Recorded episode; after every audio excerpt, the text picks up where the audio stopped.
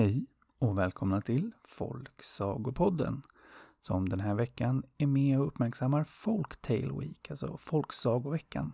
Där konstnärer och illustratörer varje dag under en vecka lägger upp bilder inspirerade av folksagor på olika teman. Och det här gör Folksagopodden tillsammans med Caroline Almqvist som illustrerat ett omslag till varje avsnitt den här veckan. Och vill man veta mer av Caroline eller se flera av hennes alster, och det vill man, så föreslår jag att man kollar in beskrivningen till det här avsnittet där det finns en länk till hennes Instagram. Och dagens ord, det är tree, alltså träd. Och dagens saga, den handlar bland annat om apelsinträd. Och den kommer här.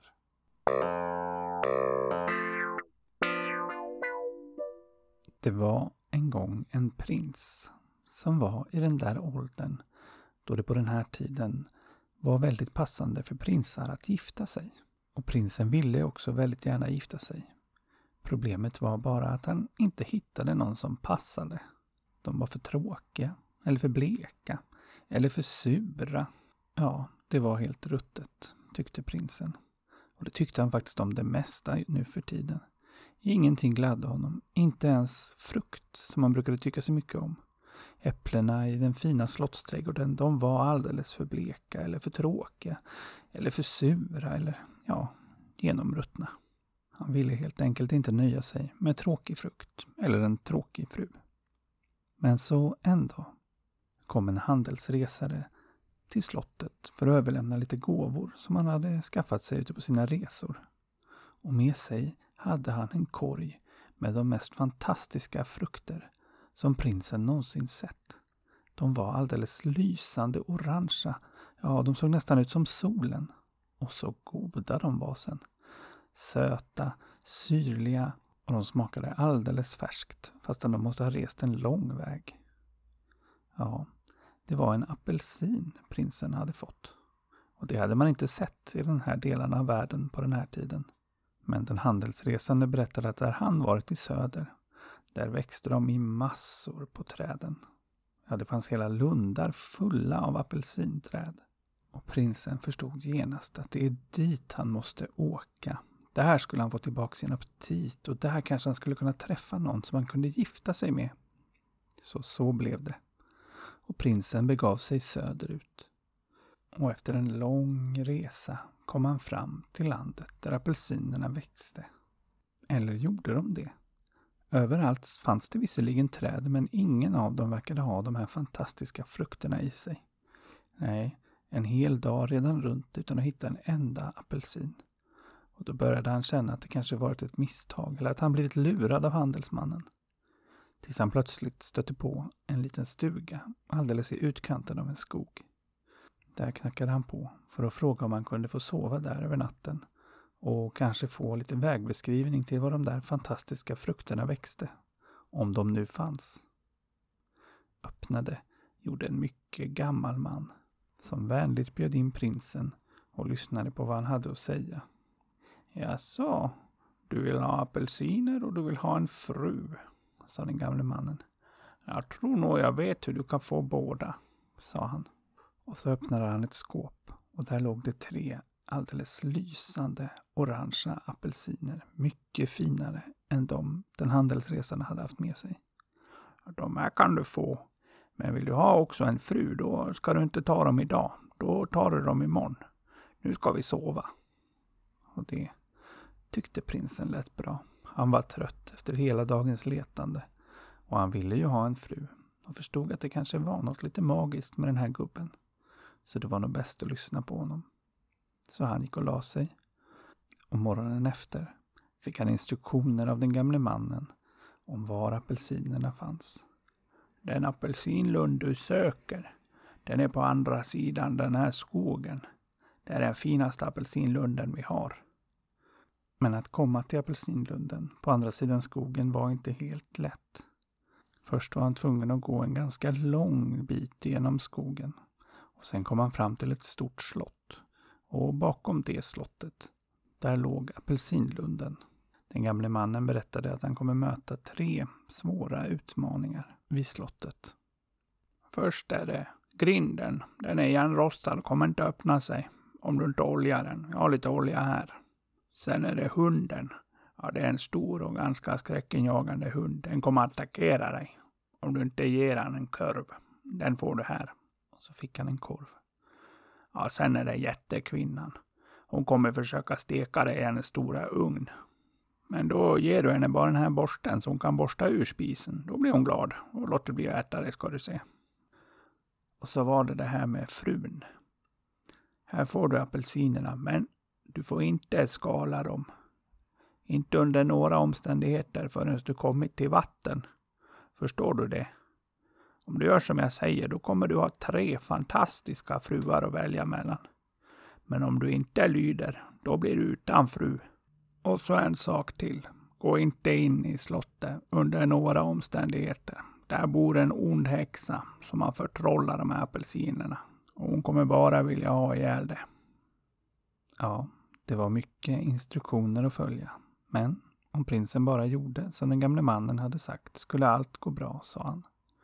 Så prinsen tackade honom och begav sig in i skogen med de tre apelsinerna, lite olja till grinden, en korv till hunden och en borste till jättekvinnan. Det var en vacker skog, men det var också en lång vandring, precis som den gamle mannen sagt. Och det här landet var mycket varmare än vad han var van vid. Så snart var prinsen väldigt svettig och därmed väldigt törstig. Han hade inte tagit med sig något vatten att dricka och det enda han hade var de tre apelsinerna. Och ju längre han gick, ju törstigare blev han och ju mer mindes han hur otroligt saftiga och läskande apelsinerna han fått av handelsmannen varit. Och till slut kunde han inte hålla sig. Han tog en av apelsinerna och började skala den. Men när han fick upp skalet så var det inte en apelsin där inne. Det var en liten gul fågel som genast tog sig ut ur skalet och flög iväg och ropade Jag är törstig, jag är törstig. Ja, och det var ju prinsen också. Och han förstod att det varit väldigt dumt av honom att skala den där apelsinen. Så han fortsatte sin vandring genom skogen. Men det var långt och snart var han ännu törstigare och inget vatten fanns i närheten. Och kanske, kanske ändå den andra apelsinen skulle innehålla en riktig apelsin, tänkte han till slut, tog upp den och började skala den. Men istället för en apelsin hittade han innanför skalet en liten grön fågel som genast tog sig ut och flög iväg medan den ropade Jag är törstig, jag är törstig. Och det var ju prinsen också. Ja, nu var han nära på att ge upp allting. Skogen verkade aldrig ta slut. Han hade inget vatten, bara en apelsin kvar. Men så äntligen fick han syn på ett slott en bit bort. Och då fick han nya krafter och skyndade sig dit bort. Och till slut var han framme vid muren som gick runt slottet. Och i muren hittade han en grind som inte gick att rubba, hur han än ryckte och slet. Men så kom han ihåg oljan han fått av den gamle mannen, som han tog fram och oljade grinden med, som genast blev som ny och lätt svängde upp för honom. Och då kom han in i en vacker och välskött trädgård. Men den hann han inte njuta av, för snart hörde han ett skrämmande morrande och ett högt skall, där den största hund han någonsin sett kom springande rakt emot honom. Och den var verkligen skräckinjagande med stora tänder och den dreglade. Men som tur var, var prinsen kvicktänkt och fick upp korven som han kastade iväg åt ett annat håll. Och det måste varit en väldigt god korv. För hunden kastade sig genast över den och smaskade i sig hela korven. Och sen började han glatt vifta på svansen och lät sig bli kliad bakom öronen. Sen började prinsen att leta sig runt slottet för att komma till baksidan men när han svängde runt slottet så blev han stående framför självaste jättekvinnan och hennes stora, mycket varma ugn. Jag ska steka dig, sa kvinnan när hon fick syn på prinsen. Jag bara städa ugn först, sa hon sen och verkade mycket frustrerad. För det var väldigt mycket aska i ugnen. Och det var svårt att städa den medan den brann. Speciellt eftersom hon städade med bara händerna och verkade bränna sig mycket. Men då sa prinsen att han kunde hjälpa henne att städa ur ugnen om det gjorde att han slapp bli stekt. Och det tyckte jättekvinnan lät bra, för nu hade hon blåsor på alla fingrarna. Så prinsen tog fram borsten och borstade snabbt ur spisen. Sen räckte han över den till henne och sa att du kan få den här, bara jag slipper bli uppäten. Och jättekvinnan, hon blev själaglad. Tack, du är snäll, sa hon. Och prinsen kunde fortsätta runt slottet. Och där, på baksidan, fick han se dem. En hel lund full med massor av stora, fina, gröna apelsinträd. Och i träden löste som små solar av massvis av apelsiner. Och genom lunden rann det också en liten bäck som porlade så härligt. Ja, prinsen som var så trött och törstig kastade sig genast upp i ett av träden, plockade så många apelsiner han kunde få med sig, skalade dem och åt så apelsinjuicen skvätte om honom. Sen drack han av det friska bäckvattnet. Och så la han sig ner för att vila en liten stund. Men just som han gjort det så kom det en grön och en gul fågel flygande och landade vid bäcken och började dricka av vattnet. När de drack av vattnet så förvandlades de från små fåglar till de vackraste kvinnor som prinsen någonsin sett. Tjoho! Oss skulle du vilja gifta dig med va? ropade de. Men eftersom du inte kunde släcka vår törst så måste vi hitta någon annan att gifta oss med. Och så gick de därifrån. Och nu insåg prinsen till fullo sitt misstag när han hade skalat apelsinerna för tidigt. Båda fågelflickorna såg nämligen ut att bli alldeles utmärkta fruar, tyckte han. Men så kom han ihåg den tredje apelsinen. Så han tog upp den och började försiktigt skala den. Och där inne hittade han en liten blå fågel som genast skuttade ut och sa Jag är törstig, jag är törstig. Och prinsen sa Här, kom ska du få vatten. Och tog med henne bort till bäcken och lät henne dricka. Och kan ni tänka er? Genast förvandlades också hon till den vackraste prinsessan han någonsin sett. Ja, han hade haft tur.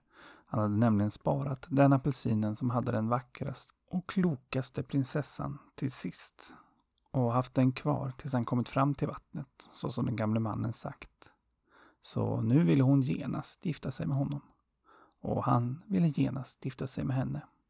För så brukar det vara i sagor ju. Så de plockade på sig så mycket apelsiner de kunde och skulle bege sig tillbaka. Men nu fanns det ett problem. Prinsessan tittade förskräckt upp mot slottet och sa att där, där bodde den onda häxan som förtrollat henne och hennes två prinsessystrar. Hon skulle säkert försöka stoppa dem nu. Och mycket riktigt. När de närmade sig slottet tittade häxan ut från ett fönster och sa Jaså, du har brutit min förtrollning, men du kommer aldrig härifrån. Häxan räknade nämligen med att hennes tre faror skulle stoppa den som försökte ta sig därifrån. Men jättekvinnan, hon var inte alls intresserad av att bränna upp prinsen eller hans nyfunna prinsessa. Hon hade ju fullt upp med att städa sin spis med sin nya borste. Och den skräckinjagande hunden var inte så skräckinjagande längre när den glatt låg och snusade efter att ha ätit en god korv. Utan lät sig istället klappas lite och viftade på svansen när prinsessan och prinsen gick förbi. Och uppe i sitt fönster blev häxan mer och mer rasande. Men hon kunde ju fortfarande lita på sin grind, sönderrostad och alltid stängd. Men den var ju alldeles nyoljad och svängde glatt upp för prinsen som hjälpt honom så snällt. Och när prinsessan och prinsen klev ut genom grinden, då blev häxan så rasande att hon dog på studs och slottet, det rasade ihop. Och det var väl tur det. Så tog sig prinsen och prinsessan ut genom skogen, tackade den gamle mannen så mycket för hjälpen och begav sig tillbaka till prinsens land där bröllopet skulle ske. Men istället för att bege sig direkt till slottet och berätta för kungen och drottningen om sin förlovning så tog prinsen och prinsessan in på ett värdshus. Ja, här skulle prinsessan stanna medan prinsen gav sig upp till slottet för att förbereda bröllopet. Han ville nämligen att hans vackra brud skulle vara en överraskning för hans föräldrar. Det var bara det att värdshusvärdens dotter, hon var en av dem som prinsen hade ratat och sagt att hon var alldeles för ful och tråkig och sur. Och sur, det var hon mycket riktigt över att ha blivit ratad på det där hemska sättet. Och nu när hon såg prinsen komma dit med en vacker prinsessa och var så lycklig och förlovad, då ville hon genast ställa till det för honom. Så den kvällen, när prinsessan gått och lagt sig på sitt rum på värdshuset, smög värdshusvärdens dotter in och tog fram en nål som hon läst lite förbannelser över och stack den rakt in i huvudet på prinsessan. Som genast förvandlades tillbaks till en blå liten fågel och flög ut genom fönstret. Och då tog värdshus värdens dotter på sig prinsessans kläder och la sig i hennes säng istället. Så dagen efter, när prinsen kom för att hämta henne, så var det värdshusvärdens dotter han hittade där i sängen istället för sin blivande fru. Han tyckte det såg konstigt ut. Vad ful och tråkig och grå du blivit sedan jag lämnade dig, sa han. Men värdshusvärdens dotter sa bara, ja, det är ju för att jag har varit ifrån dig så länge. Jag blir lika vacker igen så fort vi har gift oss, förstår du. Och det lät ju konstigt, men hon var ju där han lämnat henne och hon hade ju samma kläder på sig och om hon hade varit en fågel förut så var det väl inte konstigt att hon också kunde förvandlas till lite ful och grå och tråkig, tänkte prinsen och tog med henne upp till slottet. Ja, den stora överraskningen blev ju inte så rolig som prinsen tänkt sig nu när hans prinsessa förvandlats till grå, ful och tråkig och sur. Men hans föräldrar var ändå så glada att han var förlovad och blev ännu gladare att höra att hon skulle förvandlas till mycket vackrare och snällare när de väl hade gift sig. Så det sattes igång med bröllop. Men när de väl var gifta så hade prinsessan inte blivit ett dugg sötare eller snällare eller mindre sur utan såg lika grå ut som innan. Prinsen undrade vad det var som var fel. Men prinsessan sa att hon bara var väldigt hungrig. Så fort hon fått i sig bröllopsmiddagen, då skulle hon vara lika vacker som innan förstås. Ja, och det tyckte ju prinsen lät rimligt. När man blir hungrig så blir man ju lätt lite sur och grå. Så de gick till festen. Men någon mat kom aldrig. Fastän alla gäster väntade otåligt. Otåligast av alla väntade förstås prinsen som ville att hans prinsessa skulle få i sig mat och bli sig själv igen. Till slut så blev han så trött på att vänta så han gick in i köket för att se vad som var fel. Och där hittade han all kökspersonal sittandes och lyssnade på en fågel som hade satt sig vid fönsterbrädet och sjöng den vackraste, sorgsnaste lilla sång som prinsen någonsin hört. Ja, fågeln sjöng så vackert att all kökspersonal helt enkelt slutat jobba för att kunna lyssna lite bättre. Och så kunde man inte ha det, så prinsen skulle genast sätta igång och skälla ut kökspersonalen men då tittade han närmare på fågeln som sjöng så vackert och kände genast igen henne. Det var ju samma blåa fågel som hoppat ur hans apelsin där i apelsinlunden. Men vad var det för nål som satt i dess huvud? Genast gick prinsen fram till fågeln, tog ut nålen och vips så förvandlades fågeln återigen till hans vackra prinsessa. Och tillsammans kunde de reda ut vad som hade hänt och värdshusvärdens dotter. Hon blev genast utkastad och det ställdes till med ett nytt bröllop med rätt prinsessa. Och efter det levde prinsen och prinsessan lyckliga i alla sina dagar. Och ofta gjorde de resor till prinsessans hemland för att besöka apelsinlunden.